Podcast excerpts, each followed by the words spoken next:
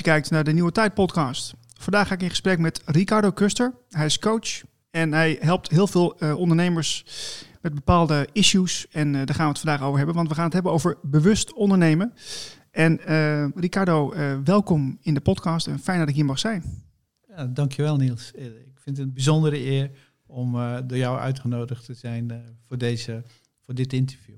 Ja, het is, het is ook een mooie plek waar we zitten trouwens hier. Hè? Ja, heel historisch. Ik, ik moet ook zeggen, uh, om toch eventjes bij jou te blijven, want we gaan, we gaan met jou een heel bijzonder gesprek voeren. Maar ik merk als ik bij jou zit dat ik helemaal tot rust kom. Dankjewel.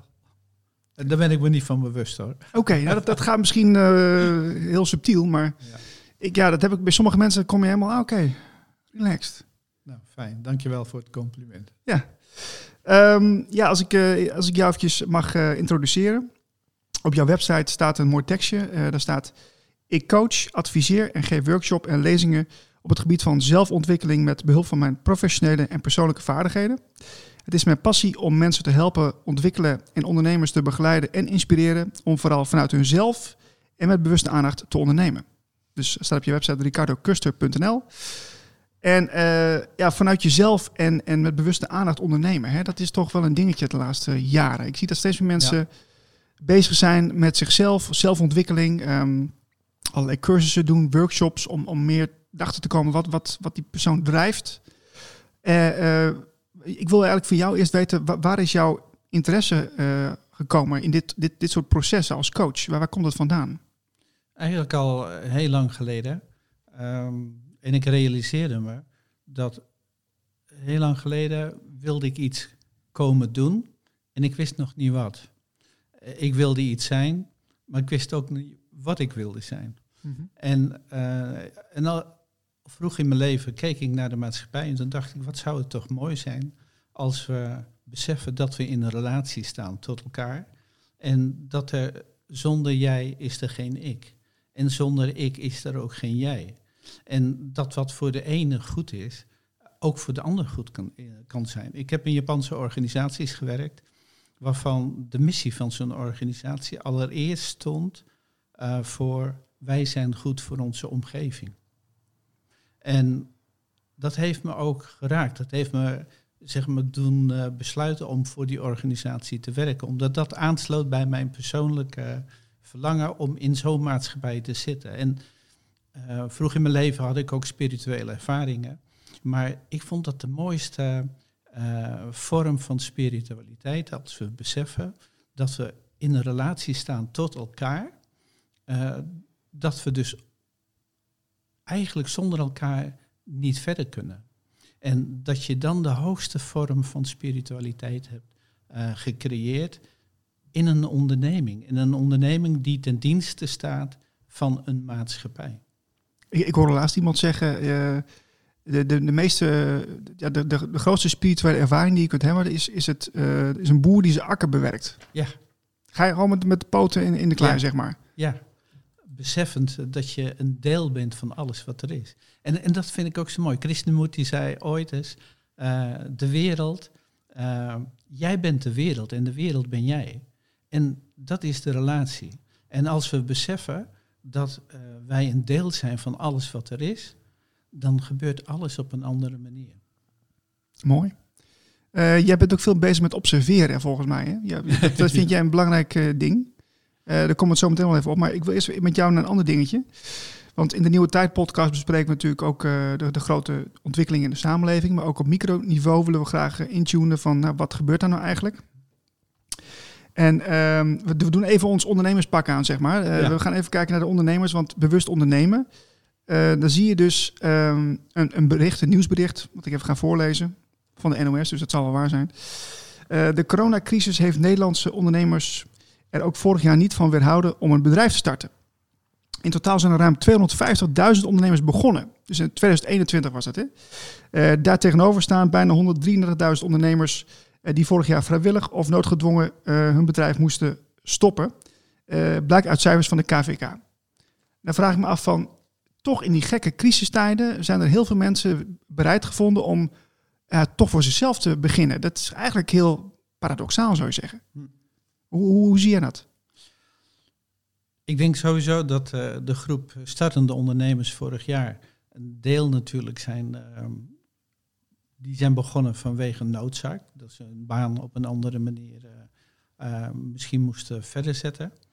Maar ik denk ook dat, en vooral onder jongere mensen, daar leeft het gevoel van ik wil vooral zijn wie ik ben. Ik wil vooral doen wat ik ben en daar mijn geluk in vinden. En dat, dat zien we ook in de reguliere HRM binnen bedrijven. Dat het veel belangrijker wordt voor mensen om uh, de balans te trekken tussen privé en, uh, en zakelijk. En voor die jonge ondernemers zie je steeds meer dat ze een idee hebben van wat ze willen doen. En dat ze dat ook vanuit hun eigen autonomiteit, maar ook vooral vanuit hun eigen autoriteit willen doen. En dat kunnen ze ook heel erg goed. Dat zijn de jongere ondernemers. En dan zijn er ook een groep ondernemers die lange tijd erover hebben nagedacht en uiteindelijk toch de stap durven nemen om, om het gewoon te gaan doen. Ja, nou, ik, ik, wil toch eventjes het gesprek naar mezelf toe trekken, want ik ben dus in 2021 eh, voor mezelf begonnen. Ook na heel lang aarzelen en toch uh, de knop doorgehaakt van ja, um, in, in, het, in de traditionele manier van werken, hè, in een team of, of uh, wat dan ook, dat, dat, dat, dat, past bij mij niet meer. En ja, dat, dat, doordat je veel thuis zat vanwege de lockdowns, ben ik meer gaan nadenken. En toen dacht ik van ja, ik kan blijven nadenken, maar, maar ik moet echt wat gaan doen. Ja. En eh, dus, dus, dat, dus dat heeft mij wel een extra zetje gegeven. Ja, dat kan ik me wel voorstellen. Ik denk dat die uh, lockdown, ja, het was natuurlijk een vervelende periode. Het was ook een trieste uh, zeg maar, gebeurtenis voor velen. Maar het heeft ons ook wel ergens naartoe gebracht. Ja, dat denk ik ook. Het heeft ons naar onszelf uh, toegebracht, of we nou wilden of niet. Het heeft ons naar ons hart gebracht. Het heeft ons de vraag doen stellen van wat wil ik nou eigenlijk echt en wat kan ik dan nog eigenlijk echt? En, en dat klinkt dan een beetje uh, dramatisch, maar ik geloof dat juist hierdoor veel meer mensen terecht zijn gekomen bij wat hun diepste verlangens zijn. Ja, en dat, dat, dat, je hebt het over het hart, zeg je. Hè? Dus dat ja. uh, meer ons hartbewustzijn volgen erin. Ja. Ik, ik denk ook, uh, we zitten allemaal wel eens met de vraag van, goh, wat moeten we nou, wat moet ik nou eigenlijk doen? En wat je in een vorig tijdperk uh, zag gebeuren, is dat iedereen die zocht kennis buiten zichzelf of buiten haarzelf. Uh, de impulsen van buiten waren zo enorm belangrijk uh, om niet alleen de bevestiging te krijgen, maar om ook de erkenning voor jezelf te krijgen. We zitten nu in een ander tijdperk en uh, we zitten nu in het Aquarius-tijdperk. En dan zoeken we niet meer de kennis buiten ons, maar dan zoeken we de kennis in ons. En geloof me, uh, alhoewel dat is mijn eigen waarneming, dus dat is iets wat ik denk. Mm we hebben ontzettend veel kennis. We zijn veel meer dan dat we ooit hebben beseft. En ik denk dat deze tijd juist zo belangrijk kan zijn en zoveel waarde heeft om dat proces in te gaan. Ja, want dat, dan, uh, dan vraag ik gelijk even door. Want jij, jij helpt natuurlijk ook ondernemers in zo'n proces, hè? Die, die, die, om, om misschien tot, tot die kennis te komen bij zichzelf. Ja. Uh, hoe doe je dat? Dat is het mooie.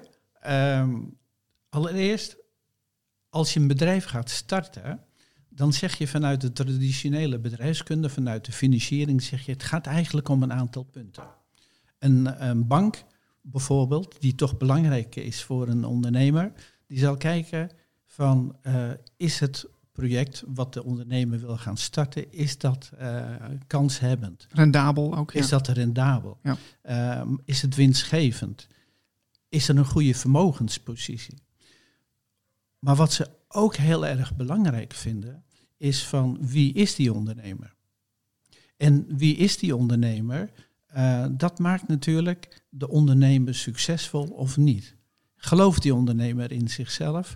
Uh, gelooft hij heel veel in zichzelf, dan zal dat vaak ook een uh, motivatie voor de bank zijn om te zeggen van oké, je krijgt van ons een startkapitaal.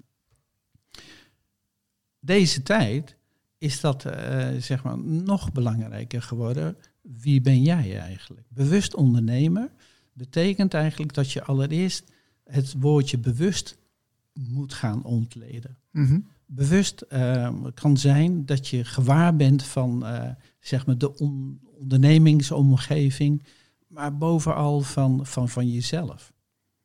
En um, bewustzijn betekent dus ook dat als je voor een bedrijf, een onderneming, een, een nieuw initiatief, een strategie wil bedenken, en dat zie ik heel vaak gebeuren, dat ze een strategie kopiëren. Ah, niet van zichzelf dus? Nee. En als je dus uh, zeg maar al die impulsen van buitenaf naar je toe trekt, dan kan je het risico lopen dat je iets gaat doen wat eigenlijk niet bij je past. De uitdaging wordt om te ontdekken van wat wil jij dan eigenlijk echt zelf? En waarom wil je dat dan? En hoe zie je dat dan voor je? En als we afgaan op uh, zeg maar, dat wat we hebben geleerd, dan is dat eigenlijk altijd een gegeven wat uit het verleden komt. En, uh, en kennis. Is, is, dat erg dan? Nou, het staat dan wel soms de, de mogelijkheden die je vanuit jezelf kunt bedenken in de weg. Hmm. Bewust ondernemen hebben we het ook over uh, wat wil je nou gaan doen? Hoe ga je dat dan doen? Daarin heb je soms nodig dat je je eigen vaardigheden goed weet uh, te gebruiken. Um, ik geef ook lessen in strategie en uh, beleid in de politieke omgeving. En en wat is dan strategie? Strategie is eigenlijk hoe je je wil positioneren, hoe je uh, zeg maar je organisatie uh, het pad wil laten volgen waarop je dan wil wandelen, welke doelen je moet stellen. Mm -hmm. En dat leer je dan op de, op de scholen hoe je dan een strategie moet formuleren. Maar jij bent niet een andere student. Jij bent, zeg maar, jezelf. Ja. Althans, dat is de grootste garantie voor jouw succes. Ja, want als je dan die, zo'n strategie dan uh, eens bekijkt, hè, dan kan je heel erg aanspreken. Denk, nou, dat ga ik proberen. Maar uh, ja, dat, het is ook wel handig om te weten of het bij jou past natuurlijk. Hè? Want dat, dat ja. zijn de vragen die dan uh, eerst ja. komen. En dat is zo'n mooie vraag wat je stelt. Want weet je, wat voor de een waar is, is voor de ander niet waar. Er is ook weer zo'n mooie uitspraak van Krishnamurti. En de waarheid is een landschap zonder paden. En wat voor jou waar is, is voor mij misschien niet waar. En andersom, wat voor mij waar is, hoeft voor jou helemaal niet waar te zijn. En, maar wat is dan voor jou waar? Dat is eigenlijk wat je in je hart weet te vinden. En daarom kom ik op de kreet bewust ondernemen is voor mij gewaar zijn van wie jij zelf bent in jouw eigen verlangens en in jouw eigen overtuigingen. En daarmee kom ik ook op een stukje uit. Je kunt wel verlangens hebben van wat je wil, maar als je zelf niet uh, in de gaten hebt welke uh, overtuigingen je hebt, welke uh, gedachten je hebt, terwijl die voor mij een belangrijk deel uh, vormen in de realisatie van je onderneming, mm-hmm. dan, dan kun je jezelf soms wel tekort doen. En ook anderen. Ja. Wat, wat zijn nou van die uh, terugkerende issues of vragen die, die ondernemers of, startende ondernemers uh, hebben? Um, dat varieert. weet je, ik, ik ken ook een, een, waanzinnige goede fotograaf. En ik vroeg hem, wat mag jij verdienen? En daar wist hij het antwoord niet op. Ik zeg, wat ben je waard? Daar wist hij het antwoord ook niet op te geven. Hij wilde rijk worden. Ik zeg, maar wat mag je dan verdienen van jezelf? Wat mag je dan presteren? Dat is bij een, een, een type mens die van huis uit gevoed is met de gedachte, je bent niet goed genoeg. Maar dat kan zijn activiteiten als zelfstandig ondernemer behoorlijk beïnvloeden.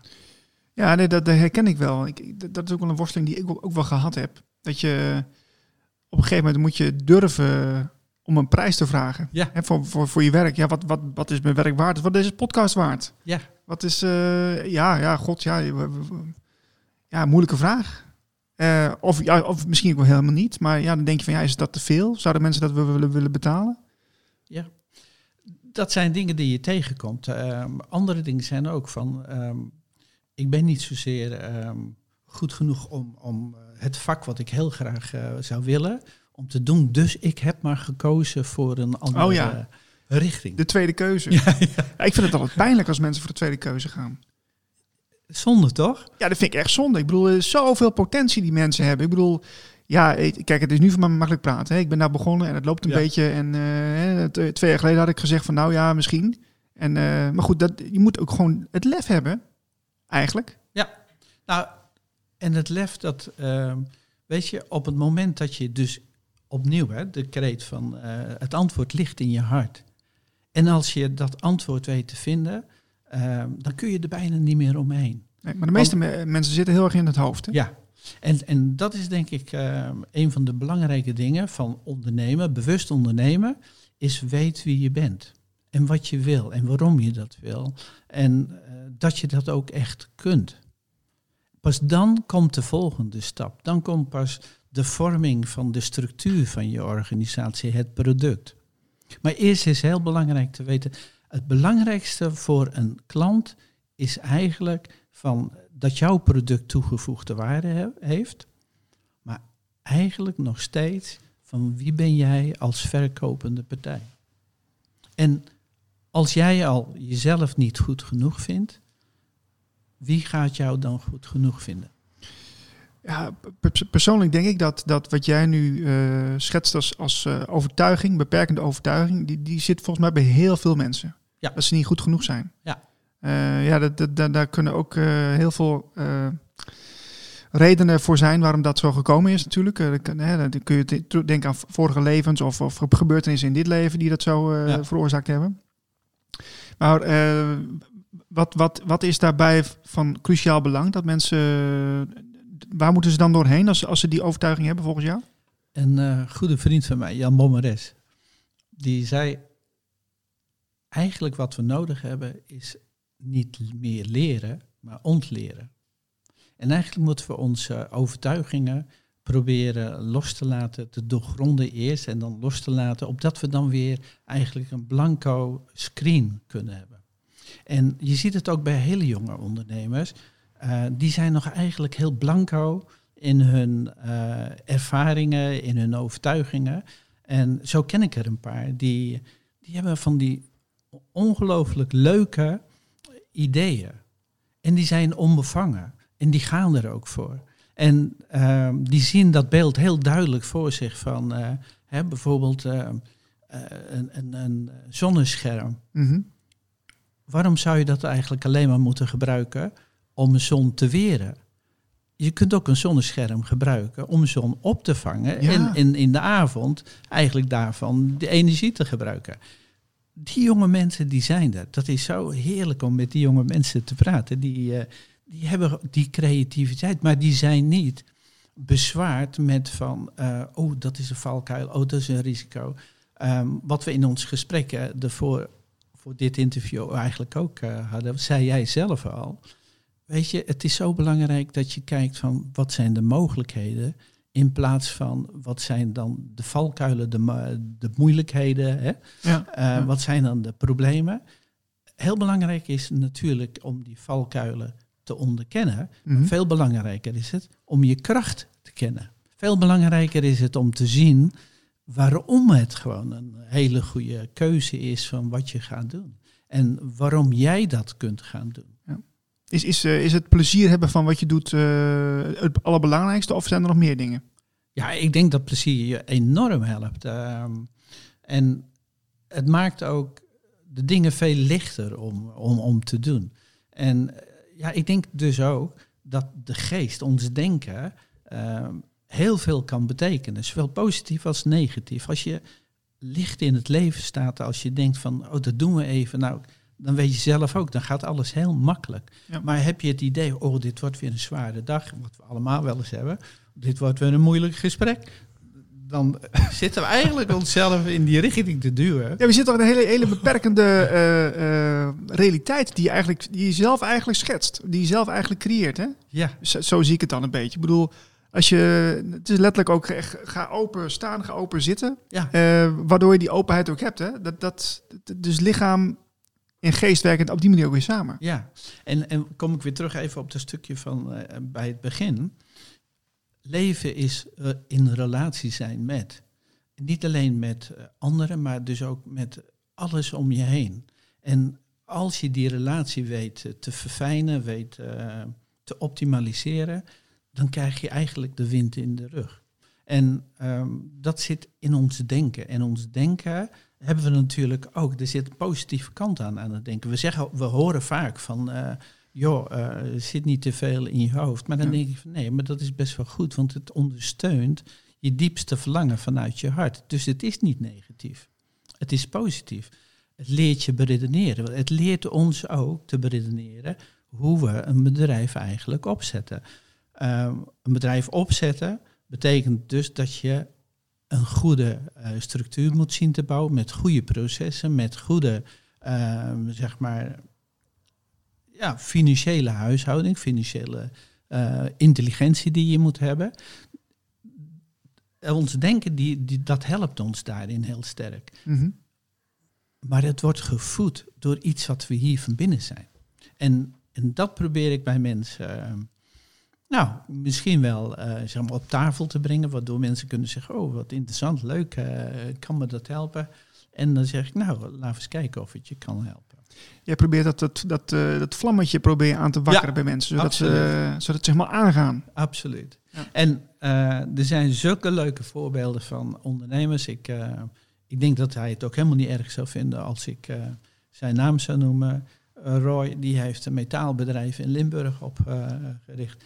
Hoe die jongen dat heeft gedaan, daar neem ik echt mijn, eh, mijn petje voor af. En eh, we zijn begonnen met, van, eh, met een analyse te maken van, wat zou je willen? Mhm. En kun je dat dan? En hoe zie je dat dan voor je? En je zag dat hij helemaal groeide in het idee. wel nog een beetje twijfel had of hij wel goed genoeg zou zijn. Die jongen die is nu aan zijn derde of vierde machine bezig om eh, zeg maar specialistische producten te leveren aan de metaalsector. Waanzinnig eh, sterk. En, en hoe lang is nu al bezig? Nou, ik denk nu drie jaar. Zo. Ja. Ja. En waanzinnig zoals hij dat eh, heeft gedaan.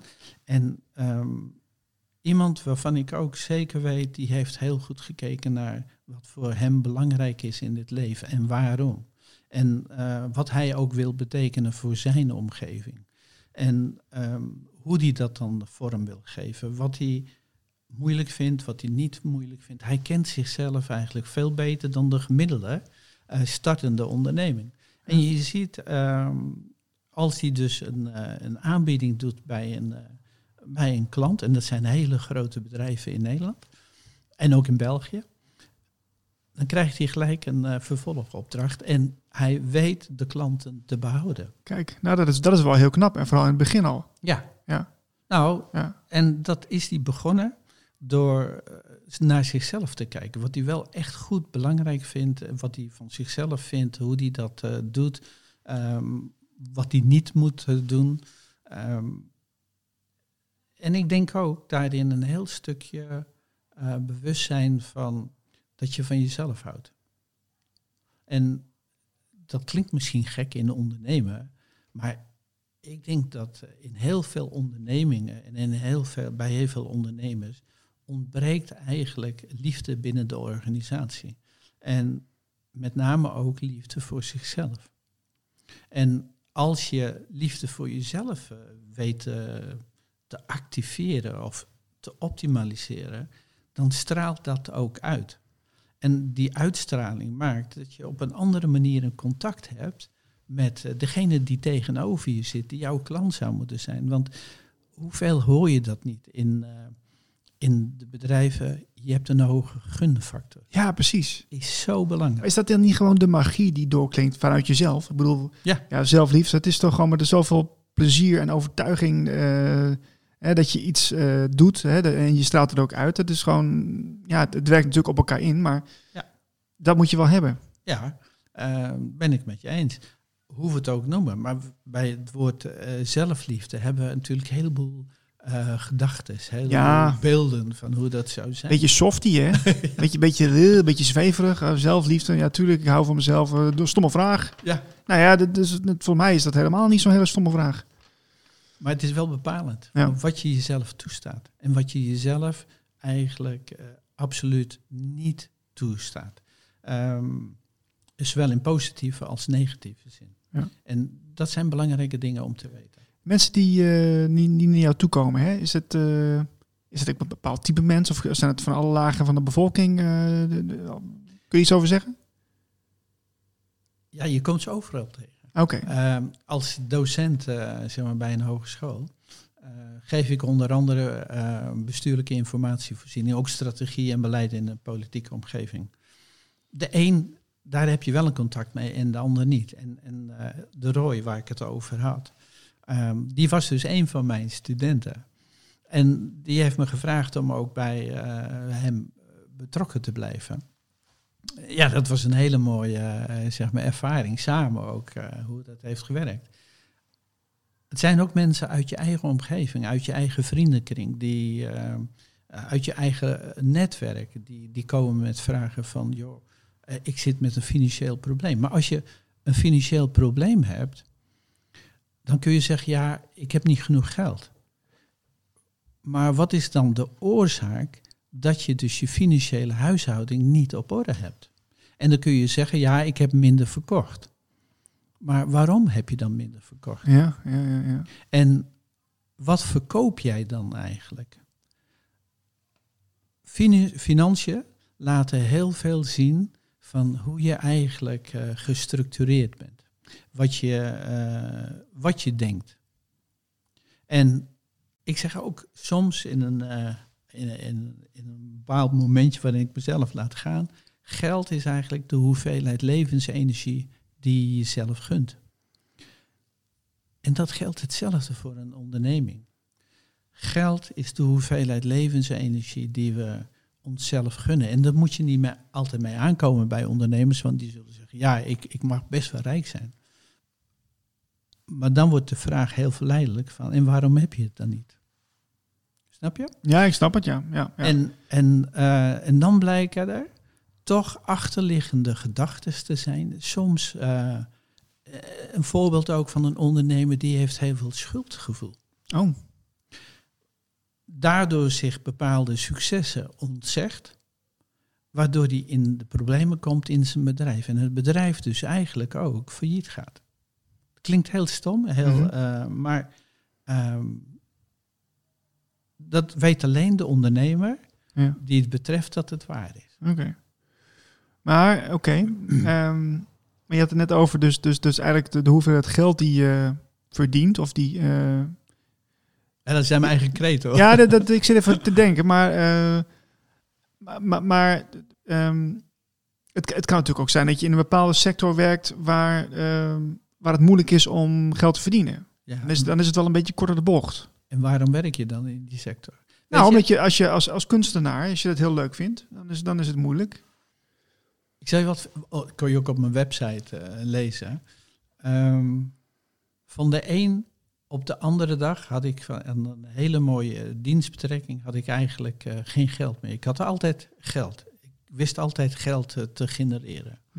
En ehm, door een eh privé-situatie, eh, scheiding, ehm, doe ik mijn kindjes iets aan wat ik eigenlijk eh, nooit had gedacht dat dat zou gebeuren.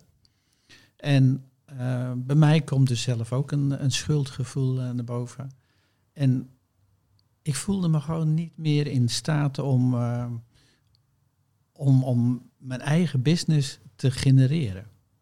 En je zag het echt letterlijk, eh, zeg maar de inkomsten. Kelderen. Ja. En op een gegeven moment, ik zei tegen mijn vriendin, ik heb niks meer. Ik heb geen, eh, ik heb geen verdiensten, ik heb geen omzet, niks meer.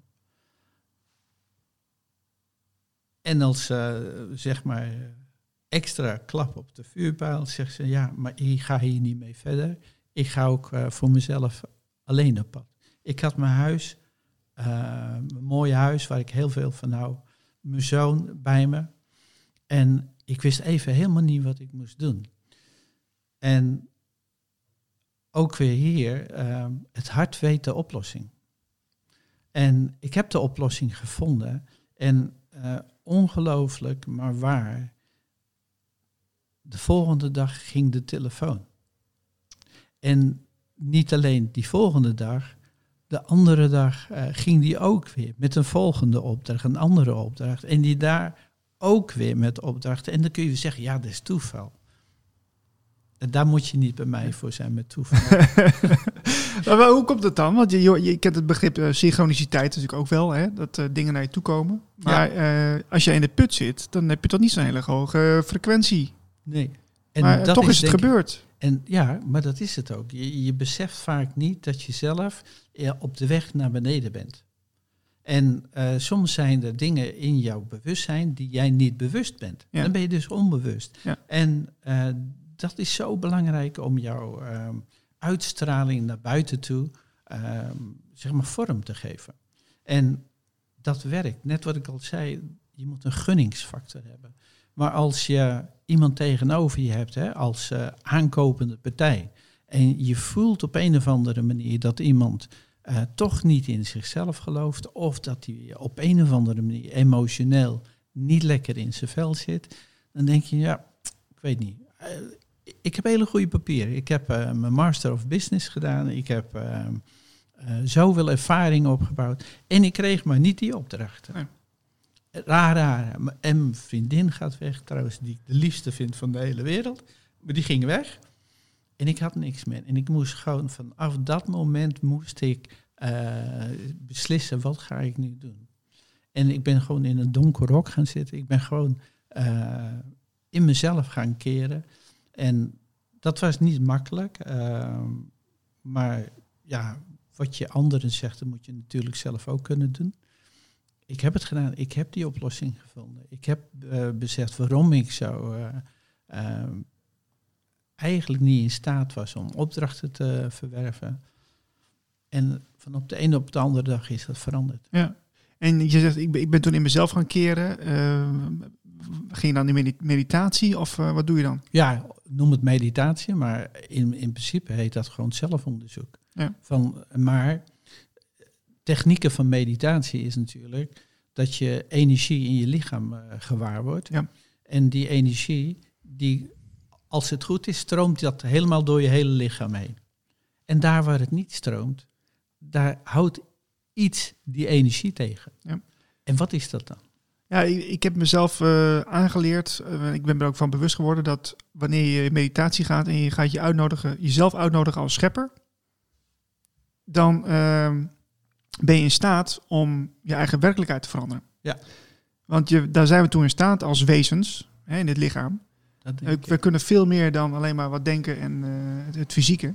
We kunnen in, op een veel hoger niveau kunnen wij uh, ja, het verschil maken voor onszelf en ook voor de wereld. Absoluut. Maar dan moet je er wel, uh, je moet wel jezelf serieus nemen. Dat je dat, dat, je dat ook echt kunt. Ja. Dat, dat is, dat, als je, dat, dat kwartje valt, dan kun je hard gaan. Absoluut. Ben ik echt uh, met je eens. En je zegt we moeten onszelf serieus nemen. Dat is waar. Maar soms nemen we ons ook weer te serieus. Ja, dat klopt, ja. Nee, je kunt er helemaal doorschieten van ik ben belangrijk en uh, iedereen moet naar me luisteren. Dat, zo moet je het ook niet zien, denk ik. Maar... Nee, maar ook uh, sommige mensen kunnen, en ondernemers ook, die kunnen zo perfect willen zijn in datgene van wat ze doen. Uh, dan is de vraag wie ze daar eigenlijk mee dienen als je kwaliteit nastreeft, hè, want dat uh, wordt van ons geëist als uh, zeg maar ondernemers. We moeten hele kwaliteitsprogramma's hebben. Ja, ja. Maar kwaliteit is uiteindelijk datgene wat de klant van jou verwacht en dat wat je hebt beloofd, dat je dat ook weet te realiseren. Streven naar de ultieme perfectie van iets, dat kan je ver brengen, maar het kan je ook uitputten. En waar ligt de balans? En als je als ondernemer uitgeput raakt, dan, en je hebt mensen voor je werken, dan voel je ook de chemie tussen jou en, en uh, zeg maar de andere uh, mensen, de medewerkers, die voel je ook veranderen. Bewust ondernemer is niet alleen voor de zelfstandige uh, eenpitter, Maar het is ook voor de ondernemer die veel mensen in dienst heeft. En daar is bewust ondernemen nog veel belangrijker geworden, omdat je daar bewust moet zijn, gewaar moet zijn van wat er in de onderneming leeft. Maar ook wat buiten de onderneming leeft. En gewaar worden heeft te maken natuurlijk met het feit dat je allereerst jezelf gewaar wordt. Als jij jezelf niet gewaar bent, hoe kun je dan borgen dat je gewaar bent wat de anderen eigenlijk aan behoeften en aan verlangens en aan, uh, aan problemen hebben? Ja. Ja, de, deze podcast heet de Nieuwe Tijd podcast. Dus die gaat eigenlijk ook een beetje over de toekomst. Hè, hoe dat uh, over een jaar of 10, 20 zou kunnen gaan. Um, nu zien we dat, heel veel mensen toch in een soort transitie zitten. Hè, die veranderen heel erg, ook wel van binnen en ook wel van buiten. Um, wat, wat, is nou, uh, wat zijn een paar kenmerken van mensen die in een nieuwe tijd, zeg maar, ondernemers zijn of die dat kunnen? Uh, oh, dat vind ik wel een mooie vraag. Maar ik denk sowieso, als ondernemer moet je, denk ik, in staat kunnen zijn om de behoeften van je mensen om je heen te kunnen vertalen naar een gemeenschappelijke visie en een missie. Ja, maar dat, dat vind ik nog wel best wel 3D. Ik vind een beetje, nee. dat, dat, is nu ook wel gewoon zo. Nee, want we denken dat dat zo is. Ja. Maar om dat te kunnen, dan moet je eigenlijk ook in staat zijn om je eigen behoeftes te kunnen bepalen. En jouw eigen behoeftes kunnen soms heel anders liggen als dat je rationeel bedenkt. Want we zijn eigenlijk vanuit, wat, jij zo leuk zegt, 3D, mhm. ja, dat is eigenlijk uh, eendimensioneel denken. Dat we, uh, nou, dat zeg ik fout, driedimensioneel denken is eigenlijk van, we leven in, in deze wereld, we hebben gedachten die van buitenaf naar ons toegekomen zijn en we denken dat dat datgene is wat we eigenlijk echt moeten doen. Mm De nieuwe tijd is dat je uitgedaagd wordt om te ontdekken of dat wat je gelooft, dat wat je denkt, dat wat je altijd voor waarheid hebt aangenomen, of dat nog wel steeds voor jou klopt. En als je dat weet te vertalen, als je dat weet aan te pakken, weet te doorgronden van ja, maar dit is eigenlijk helemaal niet meer wat ik wil. Mhm. En dat zie je dus op dit moment ook heel veel gebeuren. Dat uh, heel veel uh, zeg maar koerswijzigingen plaatsvinden. Ja. Dan heb je het gevoel dat je bezig bent om te ontdekken wie jij bent. En, en als je daartoe in staat bent, dan ben je eigenlijk in staat om je voelhorens te vergroten. Dan ben je dus eigenlijk in spirit, dan ben je in feite eh, klaar om de gevoelens van mensen echt te peilen. Te dat, dat weet je op een andere manier. Je, je hoeft dat geen eens meer te beredeneren, maar ergens zegt iets in jou van ja, maar dit moet ik niet doen. Mhm. Of dit moet ik doen, want dit zijn mijn mensen, hier ga ik voor. Ja. Dat is het subtiele van de verandering van deze tijd. Je moet emotioneel intelligenter worden. Uh, hoe, hoe zit het dan met, met uh, praktische beroepen? Hè? Denk aan een bouwvakker of een, bakker die moeten gewoon een product leveren. Ja. Dus dat blijft ook wel bestaan, Ja. voorlopig. Ja. Dus eh, is dat dan een ander proces of zit het dan anders in elkaar? Nee, ik denk het niet. Ik denk dat als jij eh, voor jezelf het vak echt heel leuk vindt om te doen, eh, dan kost je dat veel minder eh, energie, veel minder eh, moeite om elke dag te metselen, als je dat echt leuk vindt. Mhm. En je kunt ook kiezen voor het vak omdat het je gewoon in staat stelt om datgene te doen wat je graag doet naast het werk. Maar dat je daardoor wel een dankbaarheid hebt voor datgene van wat je doet. Dat is eigenlijk een heel nieuwe manier van denken. Je kunt jezelf natuurlijk altijd beschikbaar stellen voor de wensen van een ander, als daarmee ook jouw eigen behoeftes vervuld kunnen worden. Klinkt misschien gek wat ik zeg, maar eh, weet je, ehm, ik geloof niet meer in het verhaal van ik moet naar het werk toe. Nee, dat ben ik helemaal met je eens. Dus, dus het moet wel stromen, het moet wel eh, echt iets zijn waar je, waar je blij van wordt, waar je, waar, je de behoefte voelt om een verschil te maken. Ehm, Ja, is, Ja. Er zullen mensen altijd zeggen, ja, maar wie gaat dan mijn rekeningen betalen? ja, nee, precies. Maar ik zit ook, dus zo, ik probeer hem even terug te leggen, want ik, Ja. eh, ik ben het wel met je eens, maar eh, het, er zullen ook heus wel mensen naar deze podcast luisteren die denken van ja, maar hallo, eh, het, gaat wel gewo- het gaat wel gewoon. nou ja, dat- nee, dat niet, maar het gaat, het gaat wel gewoon allemaal door. Ja. Hè, dus dus de, de- de- kijk, dat is ook de, wereld waarin je leeft. De, ja, die, die, die verandert ook inderdaad. maar Daar heb Ja. ik wel een antwoord op. En eh, ook weer, dat is mijn antwoord, dat is mijn inzicht. Eh, en eh, alsjeblieft, dat, beschouw dat ook wel als datgene wat ik vind. Maar ik beschouw een, een wereld waarin we leefden eigenlijk als één vlak. En ehm, waarin we eigenlijk dachten dat alles wat er gebeurt om ons heen, mhm. dat dat het enige is wat er is. het zichtbare bedoel je? Ja. Of het, ja. Ja.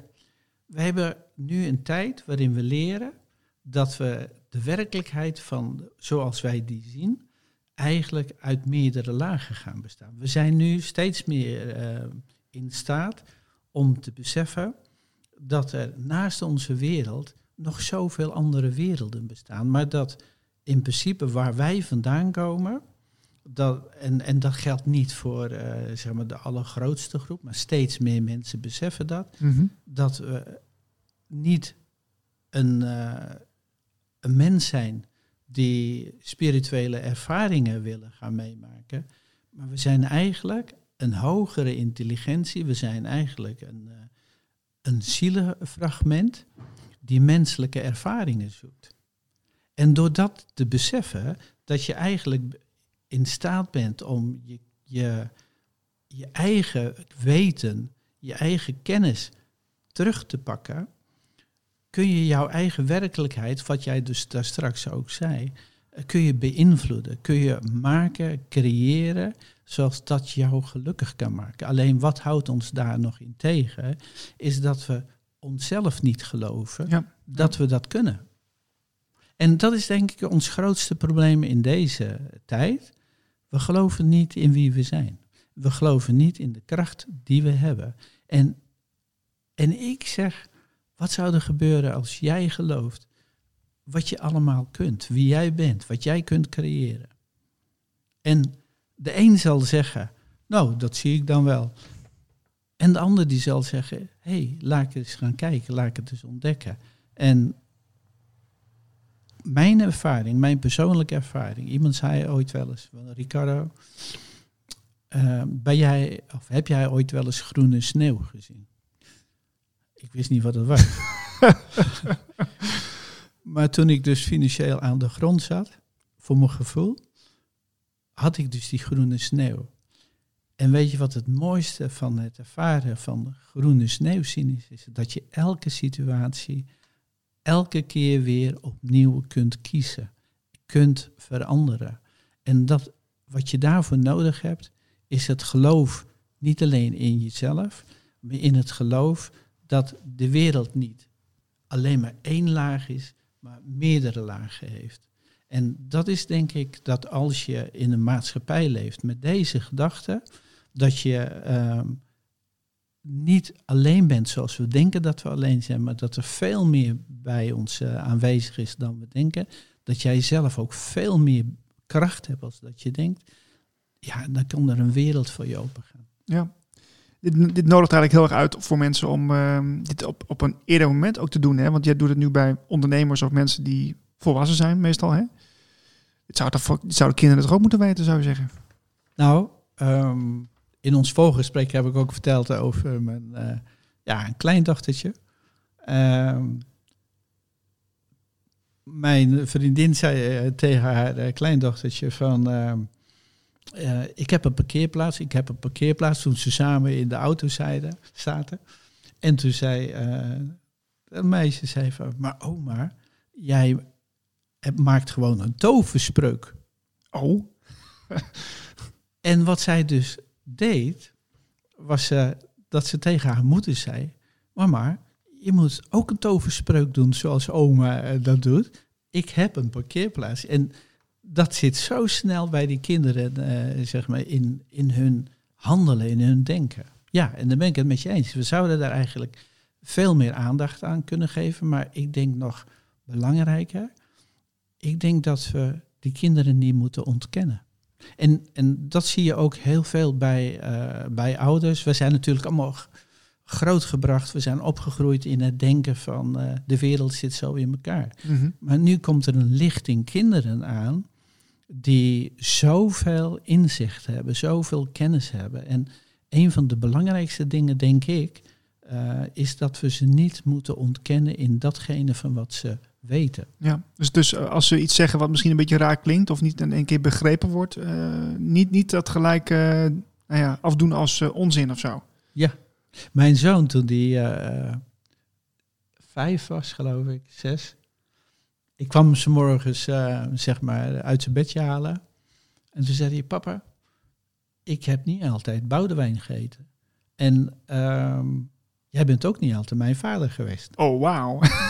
Zei hij dat? Wauw. Ik zeg, eh, nee. Ik zeg, dat klopt.